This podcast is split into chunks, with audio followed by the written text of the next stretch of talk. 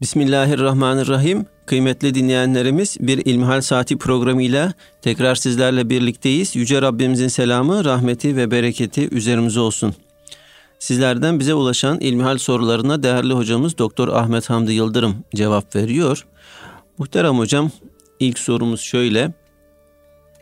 Esselamu Aleyküm diyor dinleyicimiz. Size sormak istediğim fıkhi bir mesele var. Öğle namazı vaktinden 30-40 dakika önce uyanan bir kimse sabah namazının sünnetini veya farzını geç olarak kılabilir mi? Yoksa kerahet vakti olduğundan dolayı öğle vaktini bekleyip öğleden sonraya mı kaza etmesi gerekir? Saygılarımla diyor. Buyurun hocam. Elhamdülillahi Rabbil Alemin ve salatu ve selamu ala Resulina Muhammedin ve ala alihi ve sahbihi ecmain. Öncelikle şunu ifade edelim ki namaz dinin direği. Namaz hayatımızın merkezinde bulunması gereken en önemli ibadetimiz. Bütün hayatımızı, zamanımızı namaza göre programlamamız gerekiyor. Bundan dolayı namazla ilgili gösterilebilecek bir gevşeklik Allah muhafaza eylesin. Zamanla imani problemlere yol açar.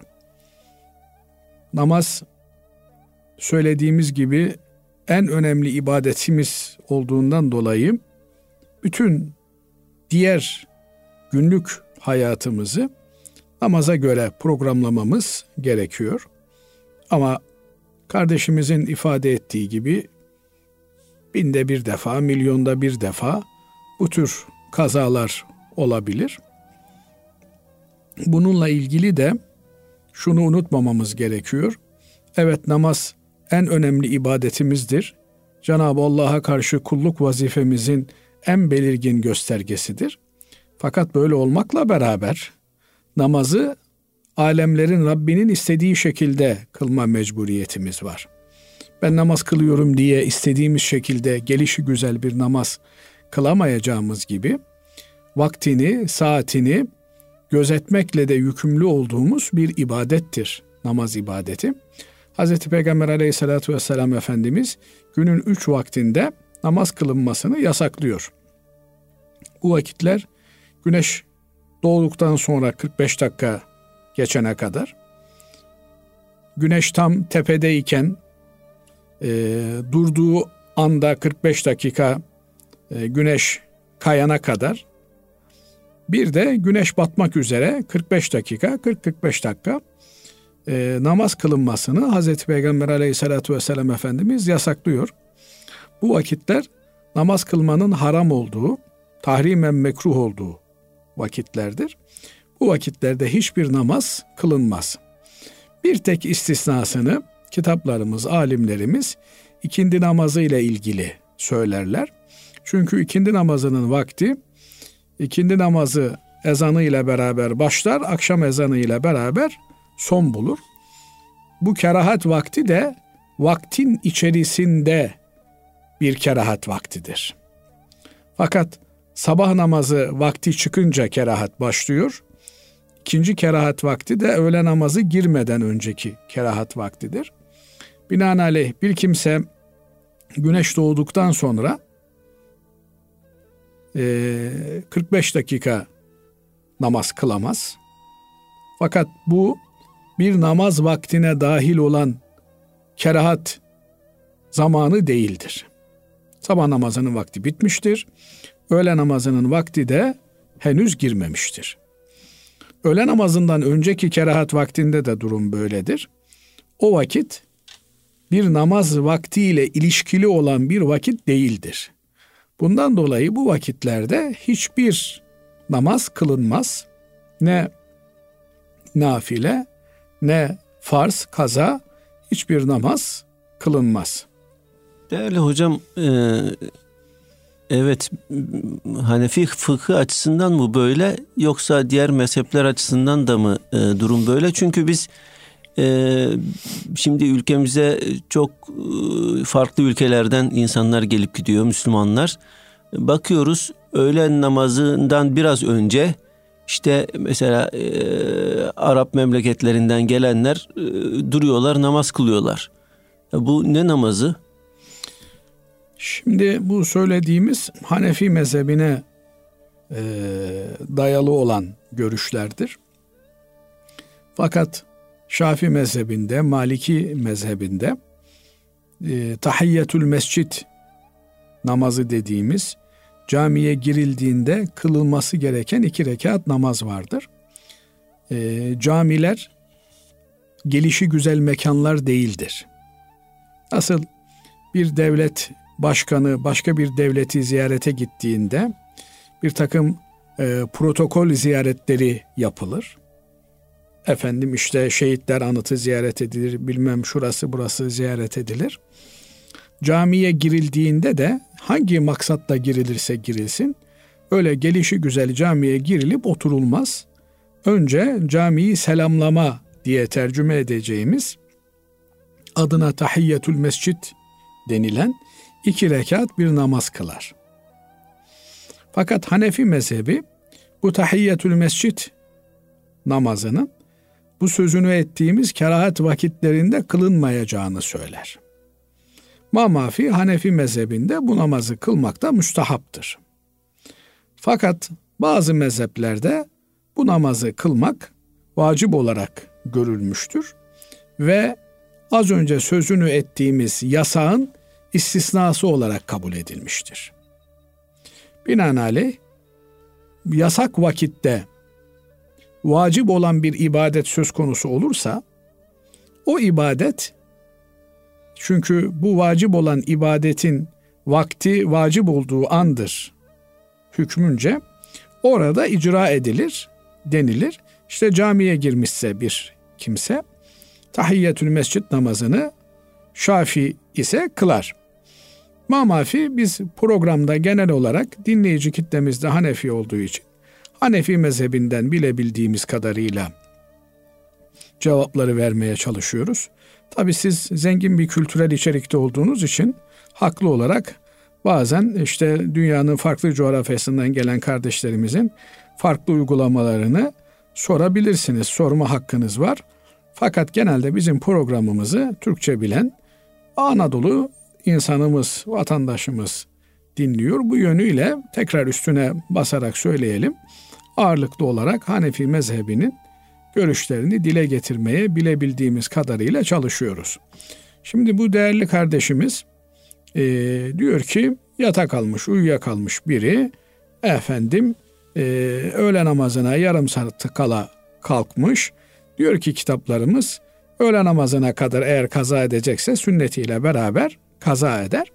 Fakat kerahat vakti ne yapacak? Kaza edebilir mi? Edemez. Niye? Dört mezhebe göre bu vakit artık namaz kılmanın yasak olduğu bir vakittir.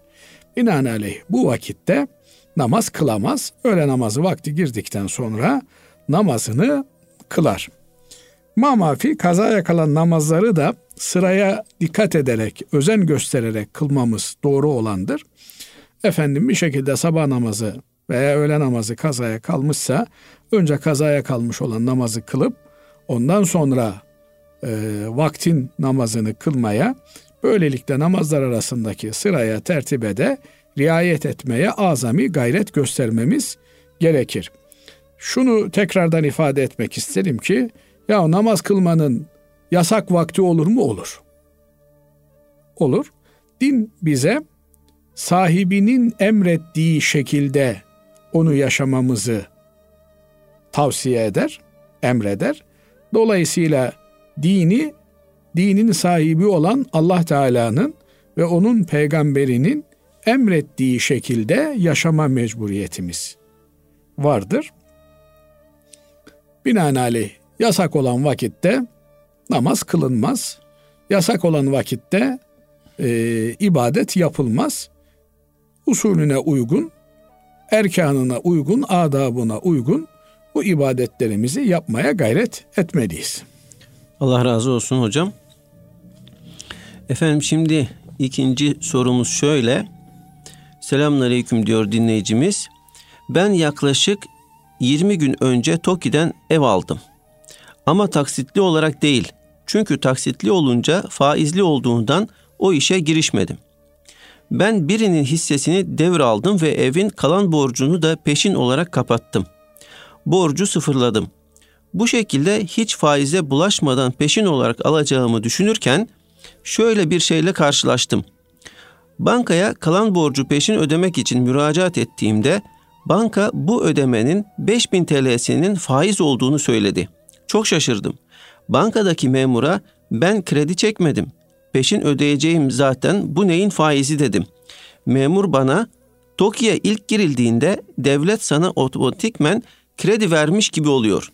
Bu 5000 TL'nin de kalan borcu e, faizi olduğunu söyledi. Kalan borcu kapatırken bu 5000 TL'yi de içinde olarak mecburen ödedim.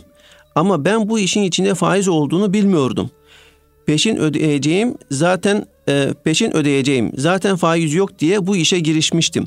Ama bilmeyerek ve istemeyerek 5000 TL faizi de ödemiş oldum. Ödediğim günden beri çok huzursuzum. Tövbe ediyorum sürekli. Sorum ise şu şekilde. Tövbemin kabulü açısından duaya ek olarak fiili anlamda ne yapmam gerekir? Evimi satmalıyım. İşin içinde faiz girdiği için ev hayır getirmez diye düşünüyorum diye parantez içine almış. Evi satmam gerekmiyorsa ödediğim 5000 TL faizi fakirlere versem helal olandan haramı temizlemiş olur muyum? Bilmeden bu işe giriştim ve çok huzursuz durumdayım. Ne yapmam gerektiği konusunda bana yardımcı olabilir misiniz diyor. Allah hepimize yardım etsin. Tabii Amin. E, bir Müslümanın faizli olan bir işle anılıyor olması onu huzursuz eder. Her ne kadar kendi kusuru, kendi kabahati yoksa da bir başkasının faiz borcunu ödemek durumunda olması bile bir Müslümanı doğal olarak rahatsız eder. Niye? Müslüman faiz kelimesinin geçtiği bir ortamda bulunmaz, bulunmamalıdır. Faizle işlem gören herhangi bir müessese ile uzaktan yakından bir ilişki olmamalıdır. Nitekim işte zaman zaman du- duyuyoruz terör örgütüyle iltisaklı diyor. İşte diyor filan bankada hesabı varmış diyor. Bu terör örgütüyle iltisaklı olduğunu gösterir diyor. Eğer filan banka faizle işlem yapıyorsa bu da demek ki haramla iltisaklı demektir. Bunlardan uzak durmak lazım.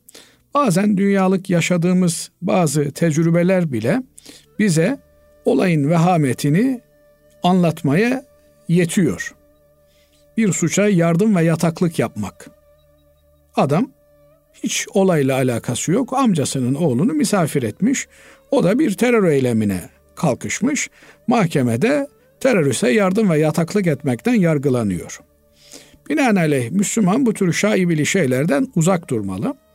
Fakat benim anladığım bu kardeşimizin anlattığı tabloda kendisinin olayla ilgili bir taammudunun, bir kastının olmadığı, bir başkasının söz gelimi işte ben sizden bir daire alıyorum.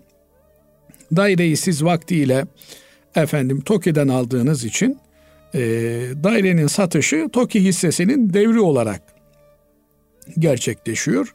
Adam da ne kadar borcu kalmış? İşte 60 bin lira borcu kalmış.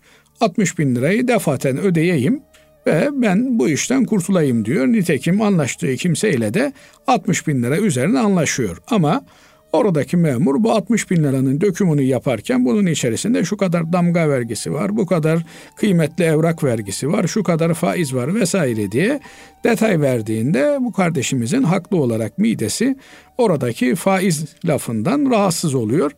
Fakat bu önceki satın alana ait bir işlemdir.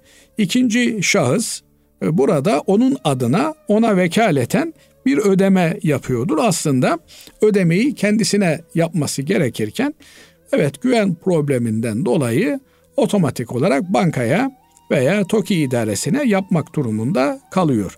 Burada birinci ve ikinci derecede eğer bir e, faize bulaşmış kimse söz konusuysa o bu işlemi ilk yapan e, kimsedir.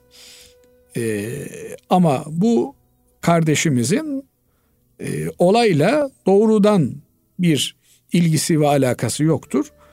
Dolaylı e, ilintili olmak üzere bir e, görüntü söz konusudur. Elbette böyle bir görüntü de bir Müslüman için hoş bir şey değildir.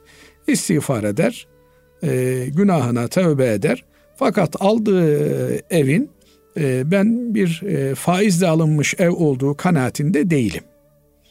E, bir başkası onu e, eğer e, çalmamışsa, çırpmamışsa otomatik olarak oradan bir sorumluluğu olduğunu düşünmüyorum. Kaldı ki TOKİ'nin e, satış usulüne dair her ne kadar bizim bazı çekincelerimiz varsa da e, bazı hocalarımız, efendim fetva kurullarımız buradaki muamelenin e, bir mecburiyetten kaynaklanan muamele olduğunu ve devletin bu tür e, usullerle yaptığı satışların sosyal konut edindirme politikası çerçevesinde e, olabileceğini ifade ederler.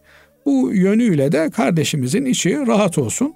Mamafi e, sadaka vermek ki sadaka sadece bir başkasına mali bir bedel vermek değildir. Bugün için en büyük sadaka bir Müslümanın problemini giderebilmektir. Bir insanın, bir canlının sıkıntısını giderebilmektir.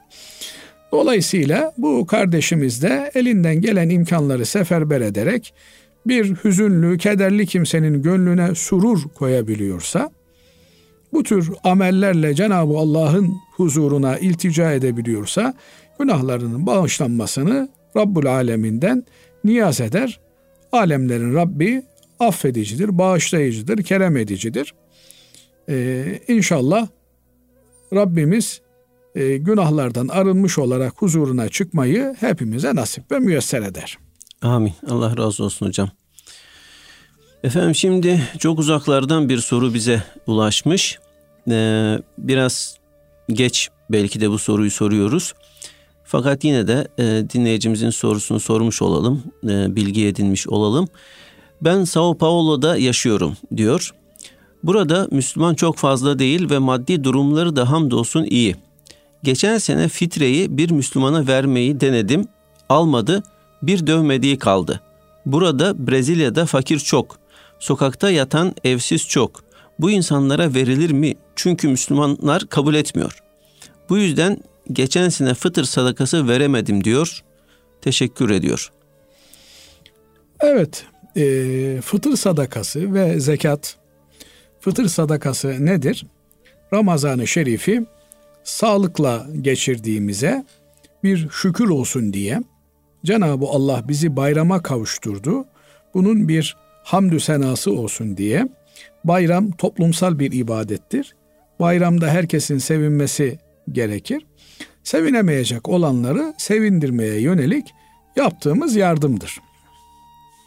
Hem e, sadakayı fıtır bu anlamda hem de zekat Hazreti Peygamber aleyhissalatü vesselam Efendimizin ifadesiyle Müslümanların zenginlerinden alınıp Müslümanların fakirlerine verilen dini bir ibadettir. Binaenaleyh evet toplumsal bir yönü vardır, toplumsal barışa hizmet eden, toplumsal dayanışmayı destekleyen hikmetleri vardır. Ama temelde Müslümanın zengininden Müslümanın fakirine ödenmesi gereken bir meblağdır. Bu kardeşimizin içinde bulunduğu ortamda olduğu gibi eğer bulundukları ortamda Müslüman fakir yoksa o zaman Müslüman fakirin bulunduğu en yakın coğrafyaya bu sadakayı fıtrı göndermeleri gerekir. Artık eskisi gibi değil. Yani eskiden belki bir yerden bir yere para göndermek problemli olabiliyordu ama bugün en olunmadık yerlere bile para gönderilebiliyor. Binaenaleyh ben bulunduğum bölgede fakir bulamadım. Dolayısıyla bu parayı ne yapacağım diye bir kimsenin e, çaresizlik içerisinde olduğunu bildirmesi doğru bir olay değil. Kaldı ki e, bu tür bölgelerde bulunan Müslümanların önce oralardaki varlık gayelerini sorgulamaları lazım. Yani eğer bir yerde bir Müslüman toplum var, bir Müslüman kitle var ve orada fakir fukara olduğu halde bunlar o Müslümanlardan etkilenerek Müslümanlıkla şereflenemiyorlarsa burada başka temel bir problem var demektir. Mesele sadece al şu 50 lirayı 100 lirayı e, bu benim sadakayı fıtırımdır meselesinden daha derin bir mesele var demektir. Tarih boyunca Müslümanlık hep fakirlerin ve güçsüzlerin e, dini mübini İslam'a girmeleriyle gelişmiştir. Niye? Çünkü Müslümanlık özellikle de e, zayıf olan kesimi koruyan bir din olduğu için güçlü olanlara, zengin olanlara, fakirlere yönelik bir takım yükümlülükler yüklediği için onlar İslam'ın güzelliğini daha iyi kavrayabilmektedirler. Zenginler tuzu kurular o kadar rahat Müslümanlığa gelememektedirler. Niye? Çünkü bu zenginliğin, bu tuzu kuruluğun arkasında bir zulüm düzeni, bir e, despotizm olduğu için e, temelde İslam dini bununla mücadele eder. Mal benimdir, malla istediğimi yaparım söylemini reddeder, malın bir emanet olduğunu düşünür. Dolayısıyla bu gibi yerlerdeki Müslüman ellerindeki paranın onların şahsi refahını temin etmekten daha ziyade etrafındaki Müslüman olmayan unsurların Müslüman olmalarına hizmetçi bir emanet olduğunun şuurunda olmaları lazım gelir. Temel problem bu. Niye buradaki fakirler biz zenginlerin, Müslüman zenginlerin İslam'ın güzelliğini göstermemize rağmen tırnak içerisinde Müslüman olmadıklarını sorgulaması lazım. Diğer mesele basittir. Afrika'da, şurada, burada birçok Müslüman garip vardır. Buralara e, zekatlarını, sadakayı, fıtırlarını gönderebilirler. Ama temel problem biz niye İslam'ın güzelliğini, İslam'ın merhametini bu zayıf olan, güçsüz olan insanlara layıkıyla ulaştıramıyoruz ve bunlar Müslüman olmuyorlar diye düşünmemiz ve bunun üzerinde kafa yormamız gerekir. Evet. Allah razı olsun kıymetli hocam. Değerli dinleyenlerimiz şimdi kısa bir araya gidiyoruz. Aradan sonra inşallah kaldığımız yerden devam edeceğiz. Kıymetli dinleyenlerimiz İlmihal Saati programımıza kaldığımız yerden devam ediyoruz. Muhterem hocam dinleyicimiz şöyle bize yazmış. Selamünaleyküm. Ben oyun ve animasyon yapmak istiyorum. Bu konuda YouTube'dan videolarınızı izleyip bilgi edinmek istedim. Ancak kafam daha da çok karıştı. Oyun yapımında modelleme, müzik çizim kullanılıyor ve bu tasvirin daha ilerisi değil midir? Neden cevaz veriliyor? İzlediğim videolar şunlar diye e, sizin daha önce e, video linklerinizi efendim e, paylaşılmış video linklerinizi gönderiyor. Diyor ki e, modelleme, müzik, çizim kullanılıyor. Bu tasvirin daha ilerisi değil midir? Neden cevaz veriliyor diyor. Evet. Şimdi Efendimiz Aleyhisselatü Vesselam suret yapmayı e, yasaklıyor. Hazreti Peygamber Efendimiz suret yapanlara Allah lanet etsin diyor. Suret nedir meselesi? Alimlerimizin e, üzerinde durduğu ve hikmetini, illetini tespit etmeye çalıştığı bir mesele olmuş. Bir diğer yandan da bunun hikmeti zaman içerisinde yapılan bu suretlerin, tasvirlerin efendim bir tazim malzemesi haline gelmesi, tapınılır hale gelmesi mi yoksa Cenab-ı Allah'ın yaratıcılık e, vasfına bir nazire olmak üzere mi yasağa konu edildiği meselesi üzerinde etraflıca konuşulmuş. Mamafi hadisi şerifte ifade edildiği gibi e, helal bellidir, haram bellidir. E, aralarında bir takım e, şüpheli meseleler vardır. Bu şüphelilerden uzak duran kimse dinini, şerefini korumuş olur. Efendimiz Aleyhisselatü Vesselam diyor. Bu yönüyle bazen flu alanlar yani kapalı bölgeler olabilmekte. Yani haram mıdır, değil midir diye tartışmaya konu olan bölgeler olabilmekte. Ama kardeşimizin sualinde ifade etmiş olduğu animasyon türü, video oyunları türü meseleler bugün farklı bir boyutla da karşımıza çıkıyor. Bunlar bir yönüyle eğitici, bir yönüyle eğlendirici, bir yönüyle de zihin altını inşa edici bir fonksiyon icra ediyor. Yani bugün gençlerimizi, çocuklarımızı maalesef ekrandan kurtaramıyoruz. Her türlü cihazdaki ekran onları farklı bir takım alanlara, mecralara, belki de gayya kuyularına doğru çekip götürüyor. Dolayısıyla bu mecralarda olumlu içerik diye ifade edilen hem gençlerin ilgisini alakasını çekecek hem de onları müspet yönde besleyecek olan içerikler üretme ihtiyacı ortaya çıkıyor. Bütünüyle yok saymanın, gözden e, ırak tutmanın bir fayda temin etmediği zaman içerisinde görülüyor. Nitekim Efendimiz Aleyhisselatü Vesselam çocukların oyuna ve oyuncağa olan ihtiyacına binaen çocuklar için bu tür e, suret barındıran oyuncaklara müsaade ediyor. Bunların çocuklar tarafından, bebekler tarafından oyun ve eğlence amacıyla kullanılmasını yasağın haricinde, dışında değerlendiriyor. Bu yönüyle de bakıldığında çocuklar mücerretten daha fazla, soyuttan daha fazla, somuta, muşahhasa ilgi gösterebildiklerinden dolayı onlar daha fazla bu tür gözleriyle görebildikleri şeyler üzerinden e, bir takım bilgi ve beceri kazanabilme kabiliyetlerini kullanabiliyorlar. Bundan dolayı aslında iki tarafı mayınlı olan bir arazide bu tür animasyon, video vesaire e, hizmetlerinin yapılması gerektiği karşımıza çıkıyor.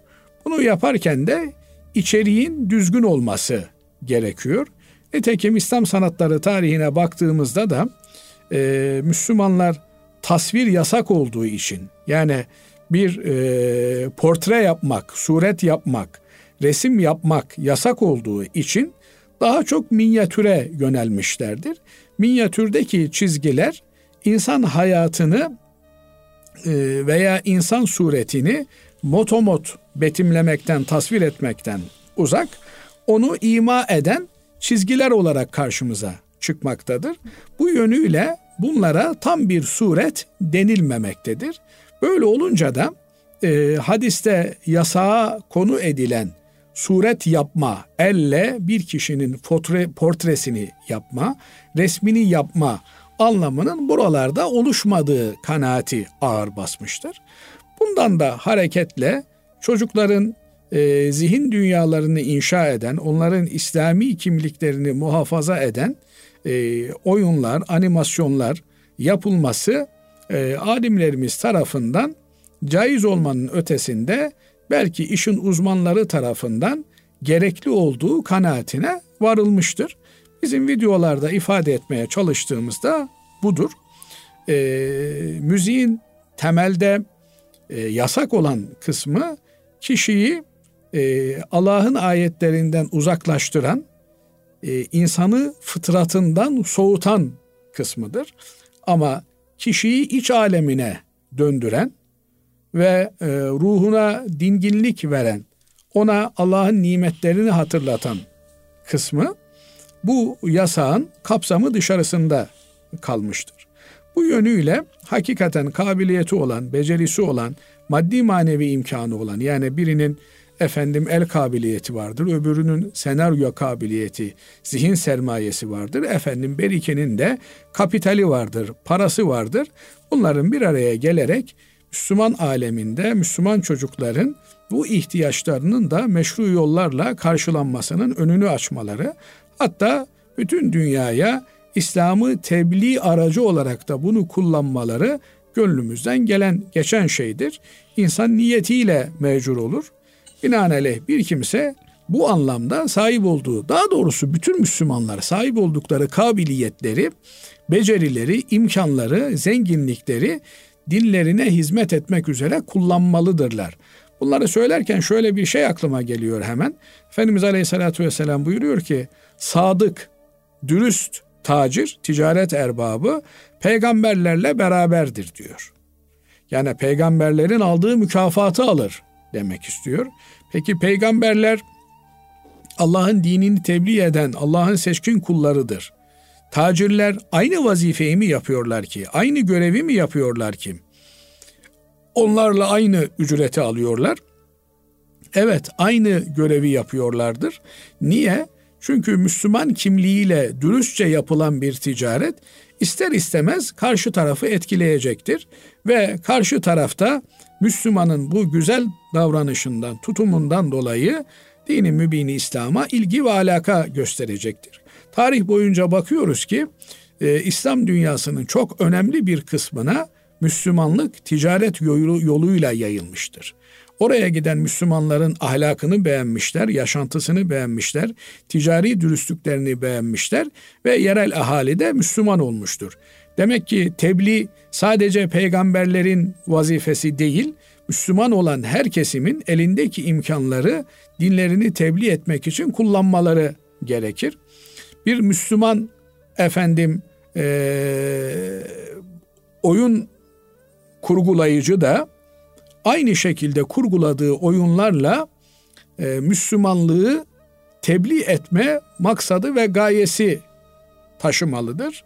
Bunun maalesef biz geçtiğimiz yüzyılda çok büyük acılarını gördük. Bütün bu mecraların İslam düşmanlığı için kullanıldığını, Müslüman çocuklarının İslam'dan, Müslümanlıktan, kendi medeniyetlerinden soğutulmak üzere bunların e, oluşturulduğunu görüyoruz. Bu yönüyle bu açığa da Müslümanların olumlu katkılar yapmaları gerektiği yönündedir.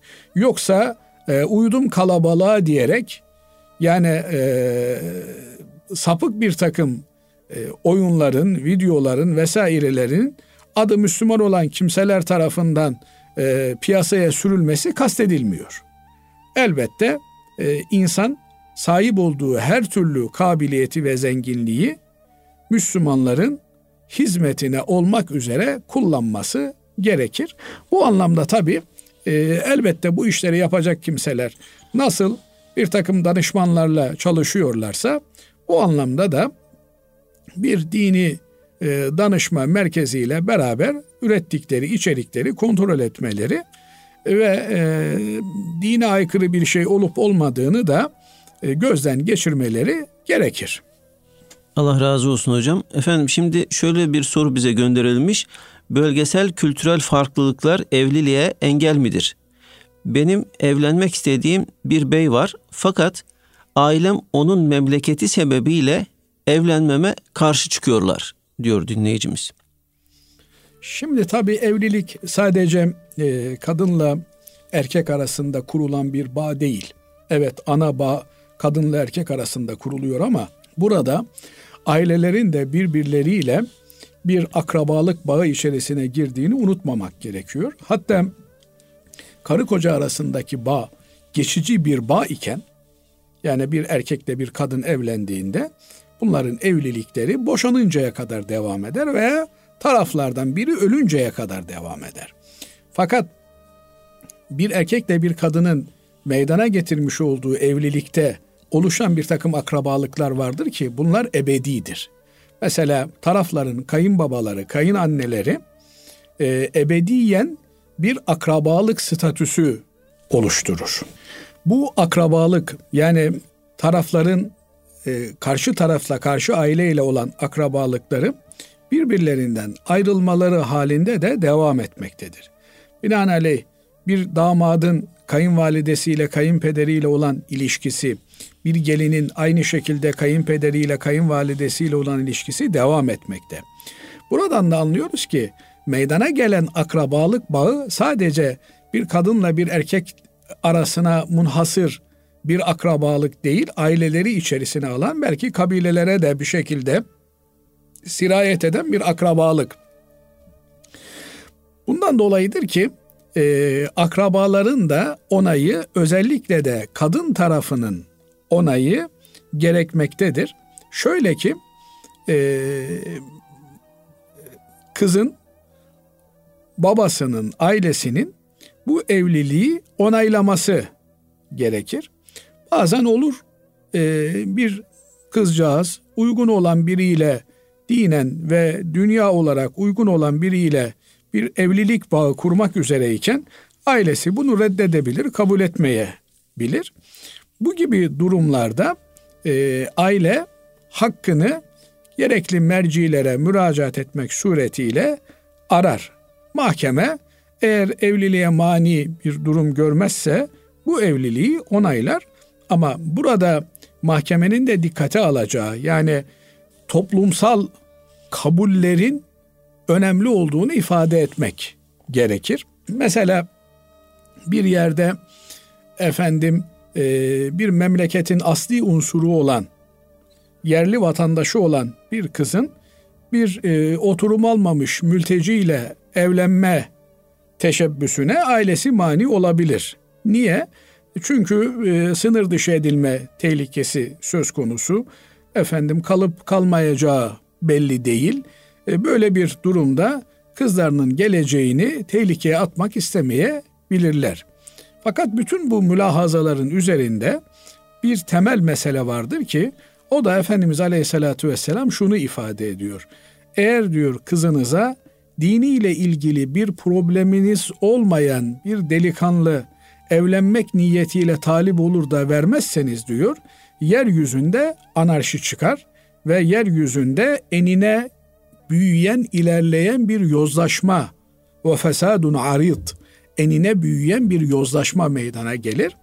Aile bağlarının din temelli, takva temelli atılması önemlidir.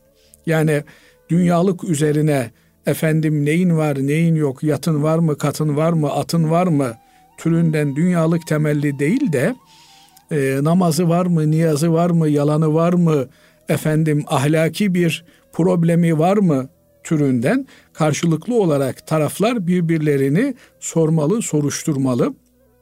Hakikaten kız dört dörtlük bir kız sabah namazına e, kimse ikaz etmeden kalkıyor, tesettürüne riayet ediyor, büyük küçük kimdir sayıyor biliyorsa tam evlenilecek bir kızdır. Bir delikanlı da sabah namazına camiye gidiyorsa, yatsı namazına camiye gidiyorsa ve helalinden ekmeğini çıkartabilecek imkana da sahipse evlenilecek bir delikanlıdır. Bunun ötesinde efendim bir takım şeyleri bahane etmek doğru değildir. Fakat böyle olmakla beraber değerli Basri hocam bir takım e, sosyolojik hakikatler vardır ki bunların önüne geçmek de mümkün değildir. Böyle olunca da zamanla bunlar problem gibi gözükmezken zaman içerisinde e, ailelerin birbirlerinden soğumalarına vesairelerine sebebiyet veremek, verebilmektedir. Bu yönü de hesaba katmak lazım. Bu noktadan da e, taraflar aileleriyle bu meseleleri oturmalı, konuşmalı ve ortak bir zeminde buluşmalı.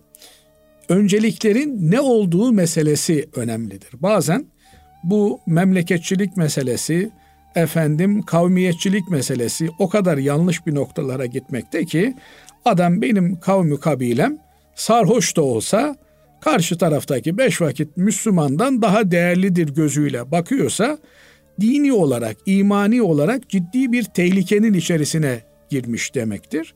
Bu noktalara da dikkat etmek lazım.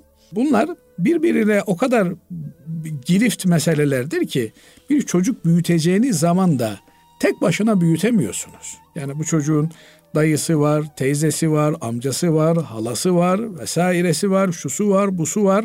Onlarla gideceksiniz, geleceksiniz. Efendim herkesle küs, herkesle problemli bir hayat inşa etmek kolay bir şey değil. Bunun meydana getirmiş olduğu birçok e, psikolojik travmalar da e, oluyor. İnsan evet önce e, kendi mutluluğu üzerine bir evlilik inşa ediyor. Ama bir adım ötesinde çocuklarının o evlilik neticesinde meydana gelebilecek olan çocuklarının dünyasını da düşünmesi gerekiyor. Bu noktadandır ki evliliği geniş perspektiften düşünmek lazım. Sadece kişisel bir e, tercih olarak görmemek lazım. E, onun e, daha da ötesinde ailelerin e, ve çevrelerin birbirlerine mutabakatı da önemli olmaktadır. Bu yönüyle iyi tartıp e, biçmek gerekiyor ve gerektiğinde de e, bu noktada yardım almaktan da e, geri durmamak lazım. Bazen aileler muvaffakat etmiyor. Aileler muvaffakat etmediğinde de ailelere sözü geçecek kimselerden yardım almak gerekiyor. Ama mutlak surette e, anne baba rızasını alarak böyle evlilik müessesesine adım atmak maddi manevi bereket açısından da önemli. Allah razı olsun kıymetli hocam. Değerli dinleyenlerimiz bugünkü İlmihal Saati programımızın böylece sonuna ermiş bulunuyoruz. Efendim hepinizi Allah'a emanet ediyoruz. Hoşçakalın.